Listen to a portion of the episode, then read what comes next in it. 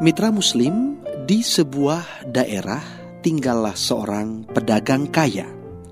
Pedagang itu memiliki seorang pelayan yang sangat lugu, sehingga tidak sedikit orang yang menyebut pelayannya itu sebagai pelayan yang bodoh. Suatu hari, sang pedagang berkata kepada pelayannya untuk pergi ke sebuah desa yang miskin dan menagih hutang dari para penduduknya. Sang pedagang berkata, "Hutang penduduk desa itu sudah terlalu banyak kepadaku. Tagihlah kepada mereka sekarang." Si pelayan lugu pun menjawab, "Baik, tuan." Lalu, apa yang akan tuan lakukan terhadap uang itu nantinya? Si pelayan menambahkan dengan pertanyaan. Sang pedagang menjawab, "Belikan saja sesuatu yang tidak aku punya." Si pelayan lugu itu kembali menjawab, "Baiklah, tuan, kalau begitu."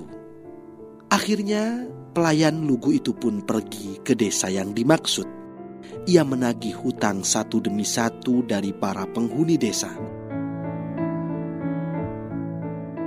Penghuni desa itu sangat miskin dan desa mereka baru saja menderita karena kemarau panjang. Beberapa saat kemudian, si pelayan lugu itu menyelesaikan tugasnya. Dan di perjalanan pulang, ia mengingat perintah tuannya untuk membelikan sesuatu yang tidak dimiliki oleh tuannya. Si pelayan lugu berkata dalam hatinya, apa ya yang akan aku belikan untuk tuanku? Tuanku kan sudah sangat kaya. Bukankah ia sudah memiliki segalanya? Setelah berpikir beberapa saat, si pelayan lugu itu menemukan jawabannya. Ia kembali ke desa tadi dan kemudian membagikan uang yang baru saja ia kumpulkan kepada para penghuni desa itu lagi. Si pelayan lugu berkata, "Wahai penduduk desa, tuanku memberikan uang ini kembali untuk kalian." Para penghuni desa pun sangat gembira. Mereka memuji dan kagum atas kebaikan sang pedagang kaya, tuan dari pelayan lugu itu. Saat si pelayan lugu pulang ke rumah tuannya dan melaporkan apa yang sudah ia lakukan, Sang pedagang menggeleng-gelengkan kepalanya, kemudian berkata, "Pelayanku, kamu ini benar-benar tidak bisa berpikir dengan baik." Sang pedagang kaya itu pun mengeluh atas ulah pelayannya. Mitra Muslim, waktu pun berlalu. Terjadilah sesuatu yang tidak diperkirakan sebelumnya. Bencana alam menghancurkan usaha pedagang kaya itu. Pedagang kaya itu pun bangkrut. Ia meninggalkan rumahnya dan hanya si pelayan lugu yang setia mengikuti dirinya.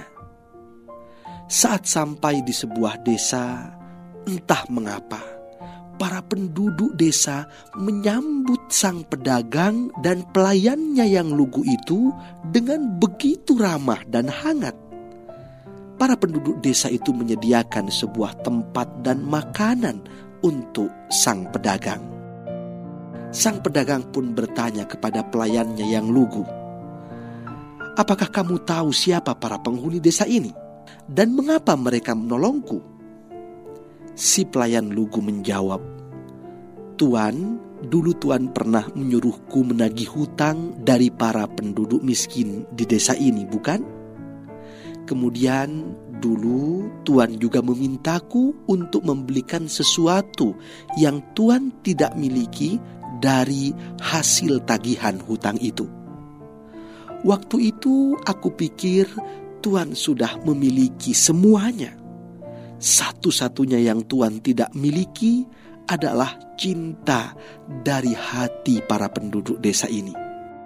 Kemudian aku pun mengembalikan uang itu atas nama Tuhan.